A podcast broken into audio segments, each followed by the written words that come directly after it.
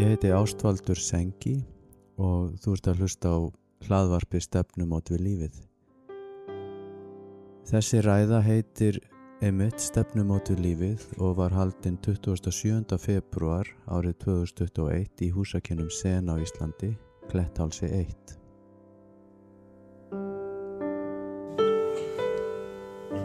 Góðan daginn.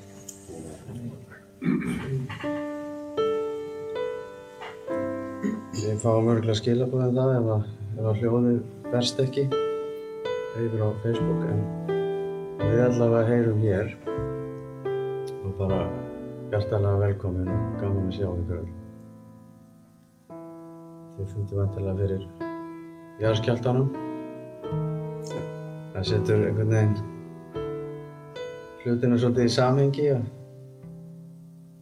ég man eftir einum jarðskjálta sem að við Gíða sátum í gegnum í, hérna, Kaliforníu. Það var ansi, það var alltaf meiri í læti að því að húsið er, þetta er svona gamalt timburhús, þetta er timburhlaða og, og í miðju rýmunu er svona risastór stytta af, af kansjón eins og er hérna á altarinu. Hún er örgulega nokkur hundru kíló, ég, hún lítur að vera nálægt því bara að vera hálf tonn eða eitthvað. Ég kannski gerir mér ekki alveg grein fyrir því en, en ég satt, við sátum öll og svo allt í mjög kemur þessi rosalegi skjálti og bara hendir öllu og, og það var svona altari sem var á, á vegg sem að, á einum, einum vegnum og það hendist allt af því og og, og styttan svona með, við fannst ég sjá hana svona svolítið sveiflast og og það er einhvern veginn, það voru allir steinrunnir bara fyrst og sátu bara svona þangað til einhver öskraði Get out! Og við það stukkum henn á fætur og hlupu út en lendu öll í flugnanettinu. Þannig að það var svona flugnanett fyrir hurðinu. Þar var öll sangan bara komin að leik.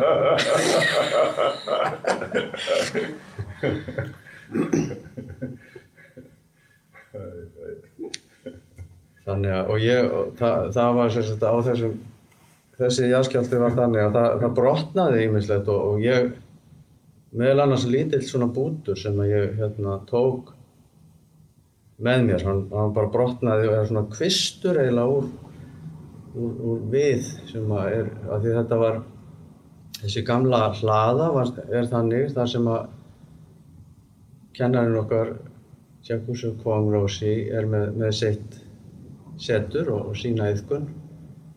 Það er alltaf áhugavert að maður situr í þessari gömlu hlöðu sem er yfir 100 ára gömul og ég man eftir því að það sem ég satt og maður náttúrulega snýr að vegnum eins og, eins og við gerum. Og maður sá ennþá förin eftir beljurnar þar sem þær voru. Maður sér að það, er eitt þar sem þær voru. En, en ég á ennþá þennan bita af, af sendóinu og það er heima hjá mér bitin af, af sendóinu. En maður er svona sífælt myndur á það að við við erum í þessum heimi og við, erum fast í flugnanetin okkar hver í sínu neti.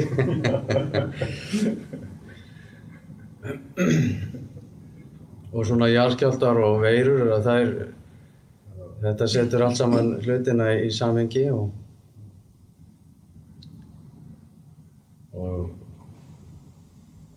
við erum svo vöndi að sjá hlutin alltaf út frá góðu og vondu. Þannig að við sjáum jarðskjálftan sem vondan og, og veiruna sem vondan og, og okkur sem góð. Við erum góða hérna, góðu lífurinn sem að sem að svona, allt þetta kemur fyrir einhvern veginn og, og ég hef stundum veldið fyrir mér það er svo margt sem að dynur á okkur og og, og, Og áhugavert að, að hugsa til þess að, að núna þegar að við einhvern veginn eigum allt að þá eru vandamálinn gríðarlega mikil og, og margt sem að kemur upp í gegnum þetta, gegnum allsnættirnar að, að við, við finnum okkur einhvern veginn ekki og allt í henni vitum við ekki hvað við hefum að borða og hvort við hefum að vera keto eða, eða einhverju öðru. Það er sprett upp hérna allskyns kúrar, sítrónukúrin og, og allt svona sem við hérna, reynum að nýta okkur til þess að, að líða betur og, og komast á einhvern stað þar sem okkur líður vel. En ég, ég fór að hugsa að því ég er tónlistamæður og, og hér eru tónlistamenn inni líka að, og við þekkjum tónlistina öll og fór að hugsa sko væri það ekki dálítið leiðinlegt ef við myndum líta á tónlistina sem bara réttar og rangar nótur. Sé að, að, að tónlistamæður er sá sem er næra sortir allar góðu nóturnar frá og spila þær og skilja heinar eftir sem það ekki að vera.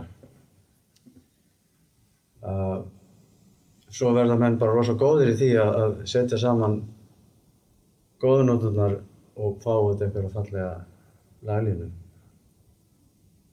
En auð- auðvitað er það það líka, en svo vitum við líka að það er eitthvað svo miklu, miklu, miklu meira og dýbra tónlistin. Og það er þetta, þetta óræða sem að er alltaf að, að, að, að lífið er, er í sjálfum sér lag og tónlist. Og En ég held að við mjög snemma svona á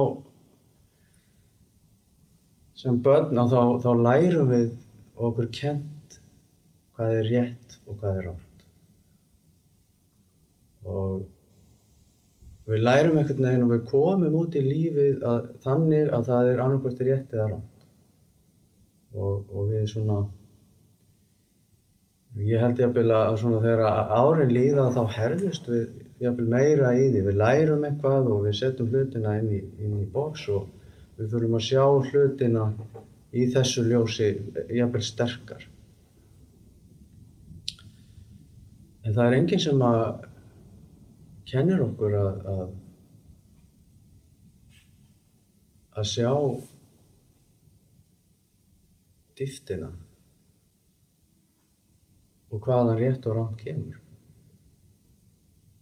Hvaðan sprettur lífið okkar og, og, og, og hvað erum við og hver erum við? Það fannst mér kannski svolítið gott að, að skýra fyrirlesturinn stefnumót við lífið.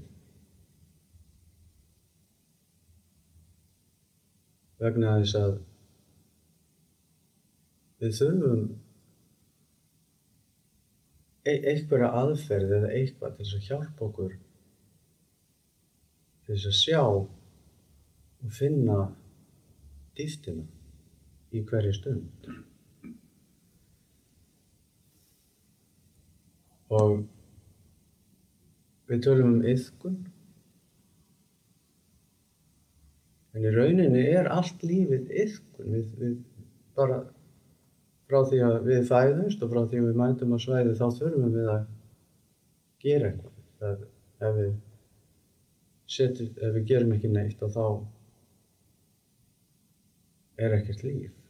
Þannig að við erum auðvitað gerð til þess að vera til og, og takast á við hluti og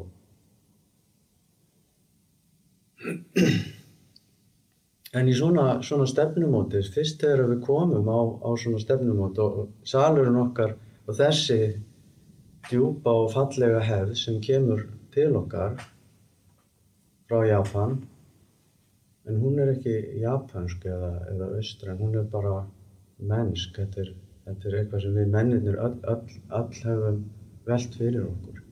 Þetta er bara ákveðin rammi sem við gefum okkur til þess að fara á stefnumót við lífið. Til þess að finna dýftina. Því að eitthvað, það er eitt sem að gott og vond eiga sammeilegt. Og það er lífið.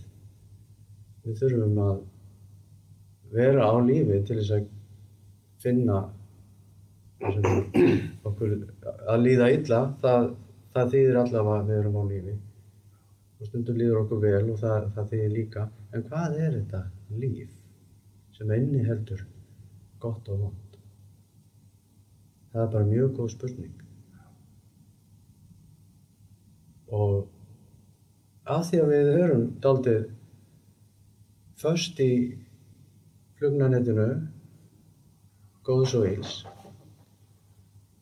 að þá þegar við komum á stefnumótið að þá komum við með hugmyndirnar okkar og, og við sitjum fram með fyrir lífun og segjum hvað þetta eiginlega þýðar hvernig stendur á þessu? Og, og stundum erum við bara reið og viljum ekki hafa svona fýblagang gáð því að vera að auðsa yfir okkur einhverju veirum og, og jarskjáltum og og svo er bara gerðist þetta og ég er bara hel kvíðinn og, og mér líður bara alls ekki vel, þetta bara getur ekki verið, þetta er að vera svona. Og við komum með þetta á púðan okkar þar sem við setjumst á stefnumótið. Og sem er bara mjög eðlilegt, við, við setjum og ég, ég fór líka að hugsa það að bara að, að fara á stefnum og það er bara heil mikið. Það þýðir að við höfum við höfum séð eitthvað fyrir sem er handan góðs og hils eða það sem er gott og vond við skinnjum það. Við skinnjum það að múst á tónlist er meira heldur en réttar og langa nótur. Og það færir okkur að, og það leiðir okkur áfram og þessi hugur sem leiður okkur áfram er kallaður bodhicitta eða hugurinn sem að leitar leiðarinnar sem að leiður okkur þangað leiður okkur á stefnumóti. Því að við, okkur grunaði að okkur vera að gruna að, að lífið sé tónlist. Og en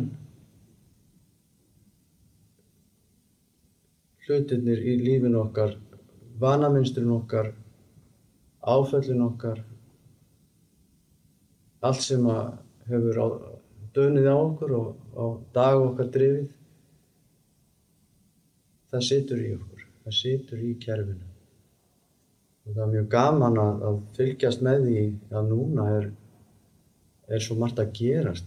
Bæði erum við að skilja þetta betur út frá bara vísundum og, og það leif, að því að við höfum verið svo vísindadrifin og, og skynnsemisdrifin sem er bara í sjálfum sér bara mjög gott. Að, að þá hjálpar það okkur að ég held að sé auðveldar að segja þetta í dag hendur kannski fyrir 100 árum eða 200 árum. Eða kannski þegar Buddha sagði það fyrir 2500 árum. Að það var bara allt öðruvísi að til dæmis að þegar að hugmyndin um líf eftir dauðan kemur sem að sen talar ekki mjög mikið um en þá var það út af því að fólk vildi losna undan því að, að lifa. Var, þegar að þú brennir upp karma þetta þá, þá þurftur ekki að fæðast aftur. En hjá okkur þá viljum við endilega fæðast aftur. Það snúist við.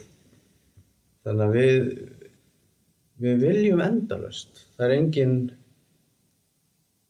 endir á því sem, að, sem við viljum því að við viljum þetta og, og, þá kemur í ljósa fyrst ég með þetta þá vil ég þetta og hvað endar það? Hvað setur við?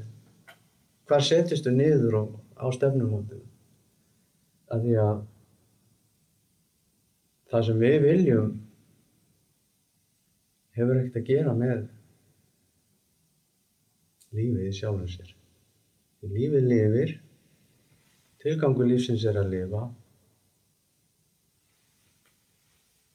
og það er kannski áhugaverður spurning er, er líf fyrir döðan hvað ætlum við að gera í þessari stund? Hvernig ætlum við að vera til? Og þess, þessi stund hún, hún er þannig að þegar við set, setjumst á púðan okkar og á komum á stefnumótið þá getur þá byrjar það sem við kallum þessi yðkun byrja að sitja með. Og við ætlum að reyna að gefa okkur svona ramma þar sem við getum, þar sem er óhætt þar sem við stígum út úr réttu og röngu. Og, og förum úr, úr því að, að gera og hugsa og öðlast yfir í að finna og leifa og vera til. Því að lífið er auðvitað ekki eitthvað vandamál til að leysa, heldur líka eitthvað stórkostlegt til þess að lifa. Og það er handan þess að leysa eitthvað. Því að þegar, þegar ef þú tekst að setja svona svolítið áfram og, og fara á stefnumótið og, og leifa sér að, að leifa grugginu að setjast. Setja með öllu, öllu okkar, setja með áföllunum okkar, setja með erfileikunum okkar, finna barnið okkar og setja með okkur. Setja með öllu sem er, án þess að, já, án þess að segja þetta er ránt eða þetta er rétt. Ég vil bara finna þetta. Og í sömum hefðum, í bútískum hefðum, þá er þetta kallað einn sanni stríðsmar eða warrior, warrior. Að, að mæta lífunu á þennan hátt krefst mikils hugrekkis og, og ekki bara hugrekkis, heldur líka mildis. Um, við þurfum hugrekki og mildi til þess að sjá okkur. Og þetta byrjar að gerast þegar, okkur, þegar við setjumst nýður og erum tilbúin að sjá. Við erum tilbúin að vita. Við erum líka tilbúin að vita ekki. Við erum bara tilbúin til að sjá. Og í bútískum bútískri kjænstu þá er það kjent að þegar við erum alfarið í þegar við sjáum bara hlutina sem réttið er ánga að það sé í sjálfum sér þjáning. Í þeirri nálgun í þeirri því viðhorfi fóstrast þjáningin kvíðin og reyðin og, og líka það er ekkert bara þetta stundum, við erum alltaf að stundum líður okkur ofsalega vel og það er eitthvað sem að, já þetta er málið sko, ég gerir þetta. Við erum alltaf að sortera út. Og þetta keirum við á, á þessu frá vöggu til grafa meira og minna. En þetta er kallað að vera sofandi, að því að búta þýðir að vakna. Orðið búta, bútað er bara einfallega maðurinn sem vaknaði til þess lífs sem er handan rétt og ránt.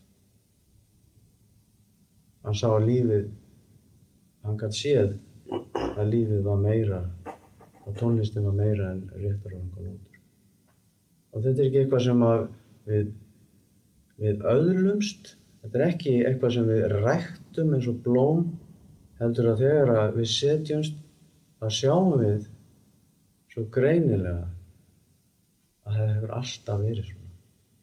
Heimurinn hefur alltaf verið með okkur, lífið hefur alltaf verið með okkur, aldrei yfirgefa okkur eina sekundu.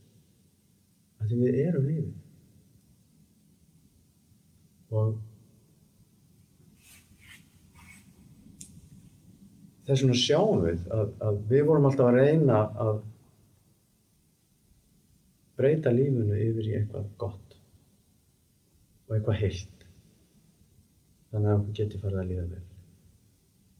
En í þessari, þessari, þessi, þessi yðkun, þetta stefnumót við lífið er ólíkt öðrum stefnumótum að því leytinu til að sá sem að mætir á stefnumótið þeir tveir aðilar sem mæta á stefnumótið er einn og sami aðilin. Og ekki nómið það heldur er þetta stefnumót á þeim stað þar sem að allt er til. Og það fyrir að renna fyrir okkur að við eigum þessa stund saman.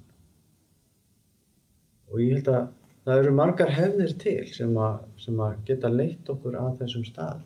En ég held að ef, ef, ef að þetta er sönn leið að þá hittust við á þessum stað. Og eigum við þennan stað saman og þessi staður er eitthvað sem að sem að við verðum að ég sjá það þannig að, að þetta er eitthvað meira heldur en eitthvað fyrir mig að þegar þessi uppgötum byrjar að þegar þetta byrjar að að, fyrir að rofa til að þá sér maður að þegar ég verð heill þá verður allur heilurinn, heimurinn heill að því hann er heill. Þetta er kallað að frelsa allar skinnverður það að koma og geta séð heiminn svona er kallað að frelsa allar skinnverður en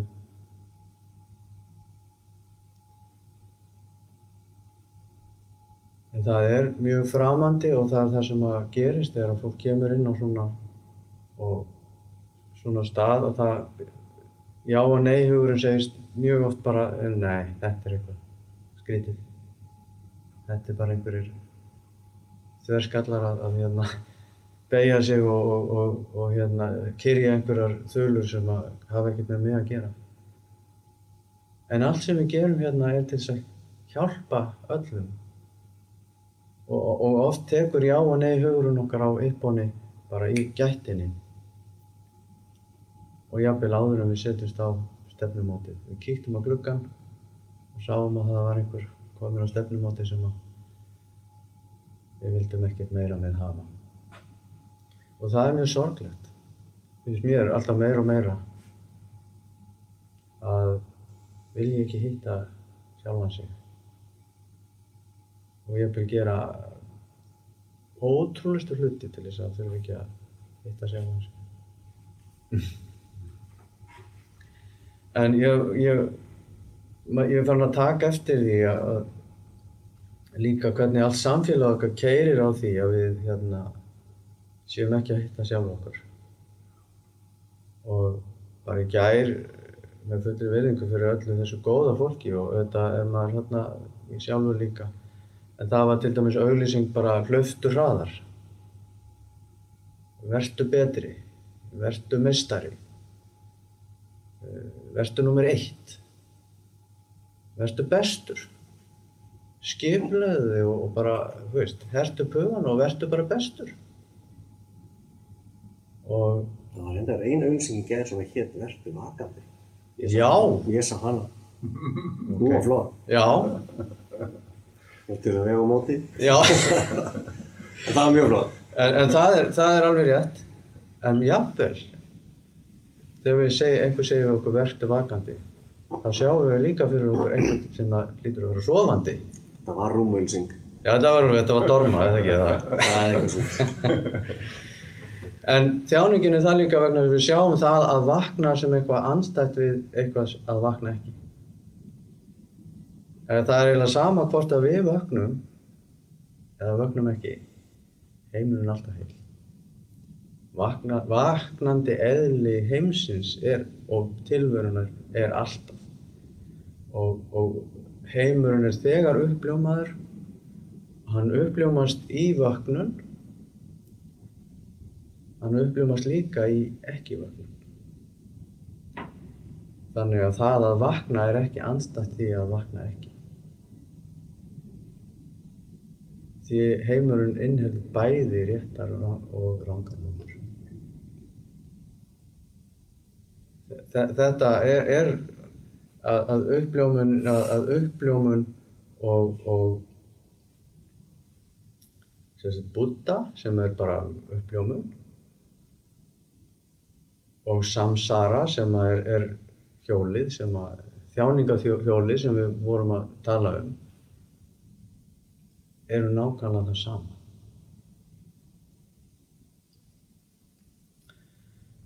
Og þe þetta er líka eitt af því sem að kemur í smám saman í yðkuninni að heimurinn er þegar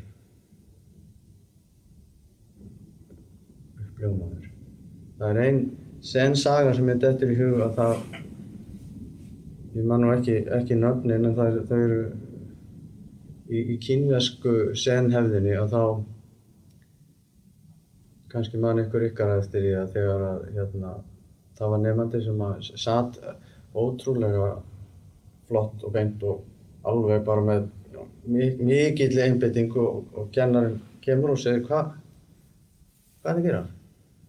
og hann segir já ég ætla að setja þá til ég verð Buddha já, segir kennarinn og tekur upp svona flís, svarta flís og sestu hliðin á nefndanum og fyrir að pússa hana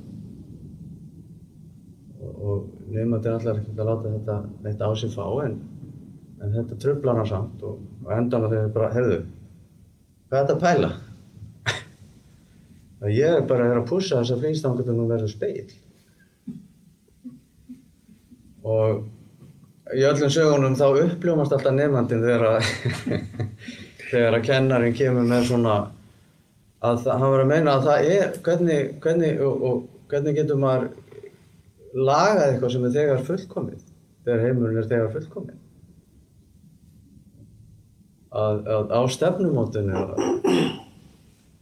að þá setjum við þetta fyrst þannig að við ætlum að laga allt saman. Við ætlum að redda þessu, við ætlum að losna við kvíðan og við ætlum að gera allt sem við getum til þess að bara lifa bara geggjuðu lífi sko. það sem allt er skemmtilegt og, og, og gott en, en þegar að það gruggið sest og þá, þá fer þetta svolítið að að renna upp fyrir manni. En þetta er aldrei löng leið að, að sjá lífið svona því að við við erum, hvað hva er conditioned mind, þessi skilisti hugur hann er svo sterkur.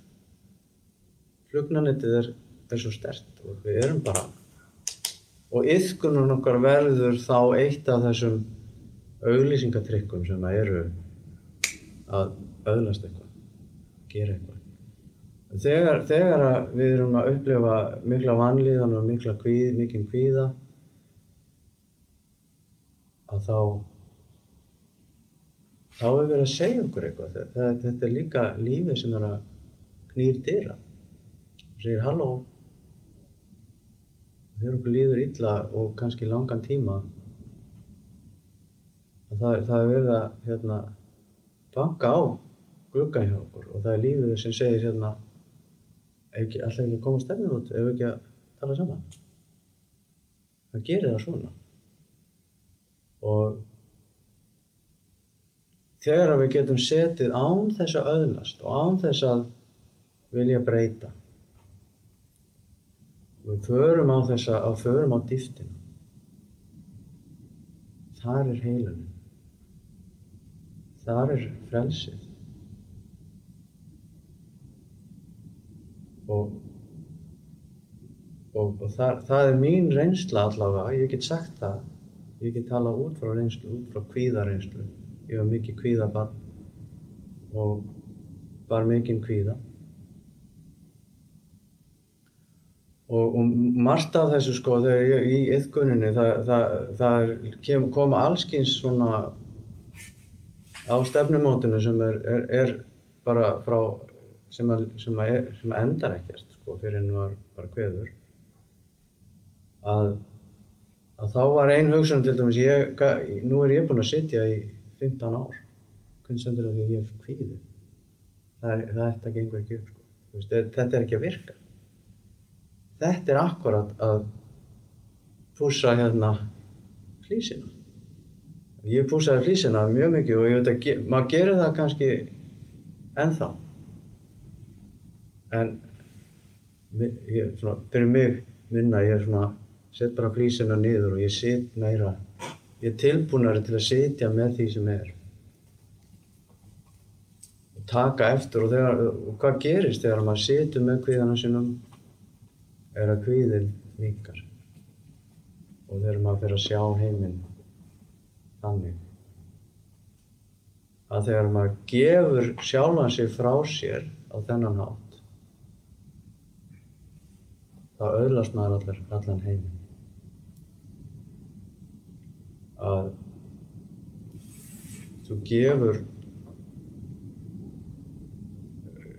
uh, hvað er það, resistant eða, eða fyrirstöðuna. Þú, þú gefur fyrirstöðuna frá þér og þú leifir að þegar við erum kvíðin. Þá þurfum við að vita það að þetta er fullkomlega uppljómaður kvíði. Alveg eins og allt sem byrtist og við komum fram með kvíðan okkar eins og við komum fram við Buddha að því að það rennur upp fyrir okkur að kvíðin er Buddha að því að það er eitt af því sem að byrtist kannski er það ekki samræmi við lægi sem við ætlum að spila. En engar síður það er hvíðin er búta. Og þegar að við í fyrirstöðunu og í, í átakinu gegn hlutunum gegn uh, ég, er núna að tala um hvíðana því ég þekki hann en það er þetta allt sem að við við þekkjum gegn hlutum að, við, að það styrkir aðgreiningun en það þýðir að ég er hér og ég er að takast á við eitthvað sem á ekki að vera hérna. Og það styrkir kvíðan það styrkir það sem að er. Og þess vegna að þegar við setjumst og við getum setið með, með því öllu sem er öllu röngunótunum og réttunótunum að það getur vel verið að að í eitt skipti þegar við stöndum upp að þá allt í hennu sjáum við að við þurfum að leita okkur hjálpar eitthvað meira. Að það er eitthvað, það, því að við þurfum að sjá okkur sjálf. Að, að þá þurfum við að gera hluti sem að sem að hjálpa okkur. Og mér finnst þetta alltaf áhugaverð spurning og ég hef alveg spurt mig að því af hverju gerum við hluti sem að meiða okkur? Af hverju drekkum við svona mikið brennivín og ég, ég bara segir svona ég á alveg minn tíma í því og, og hérna ég segi af hverju gerum við hluti sem að, veist, sem, að, sem er ekki að þjóna lífinu? Að, að þegar við björgum öllum skinnverum þá erum við að byrja að gera hluti sem að þjóna lífinu og ekki bara þínu lífi, þetta er öllu lífi. Og þá björgum við lífinu frá þér. Frá því að vera í vanamesturinu því að í vanamesturinu og sérst í ómeðvituðu vanamestri þar þjáumst við ekki bara heldur öll. A- aðstæður sem við erum og þau eru alltaf mismunandi þessi minnstur en það en þau eiga það öll sameigilegt að, að, að fóstra þjáninguna. Þannig að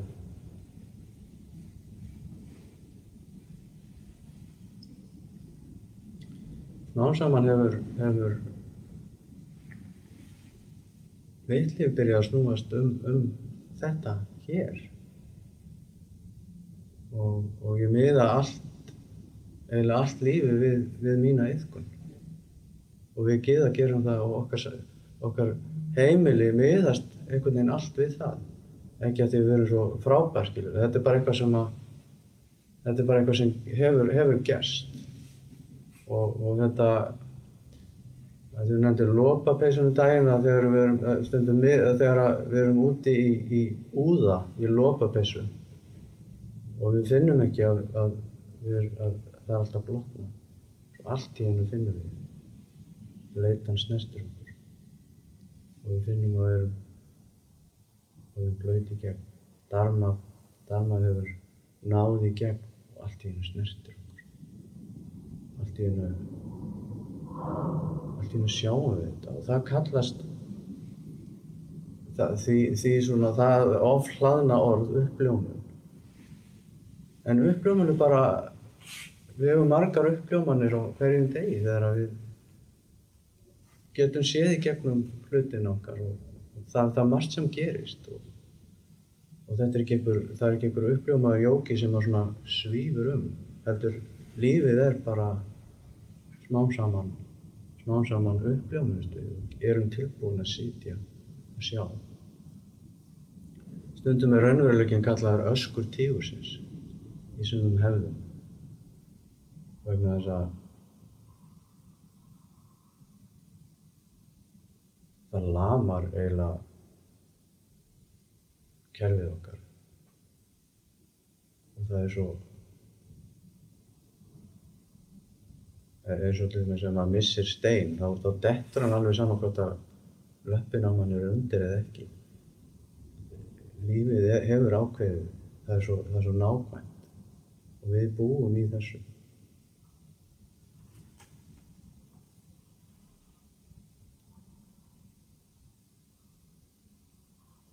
Ég held að þetta sé bara það sem ég langaði að segja um stefnumótið við lífið og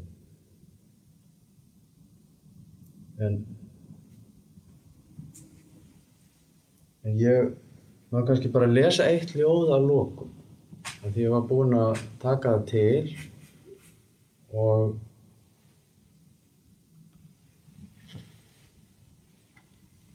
en mér langar til þess að mér langar til þess að að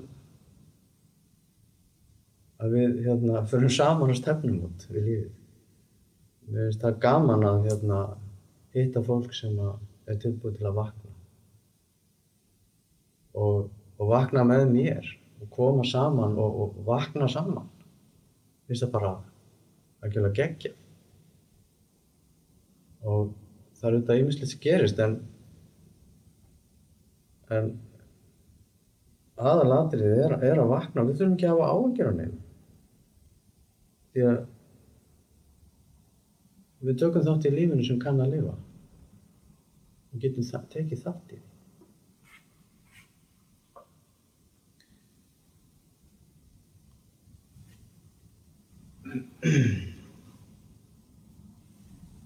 Sjáu þið glerum minn? Ég var Vastur þú? Já, nei, það hérna. Þetta ljóð er um vöknun og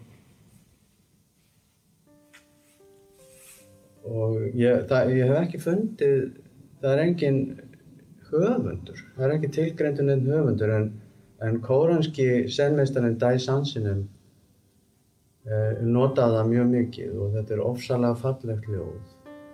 Og einmitt held ég að ljóð bendi okkur handan því að þau meiga vera dálítið abstrakt.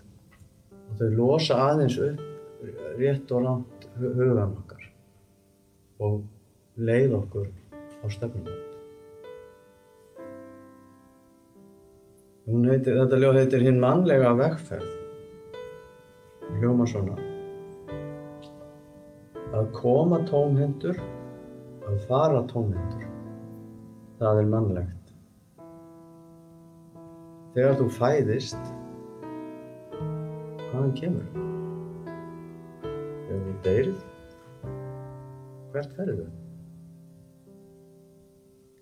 lífið er eins og svífandi ský sem byrtist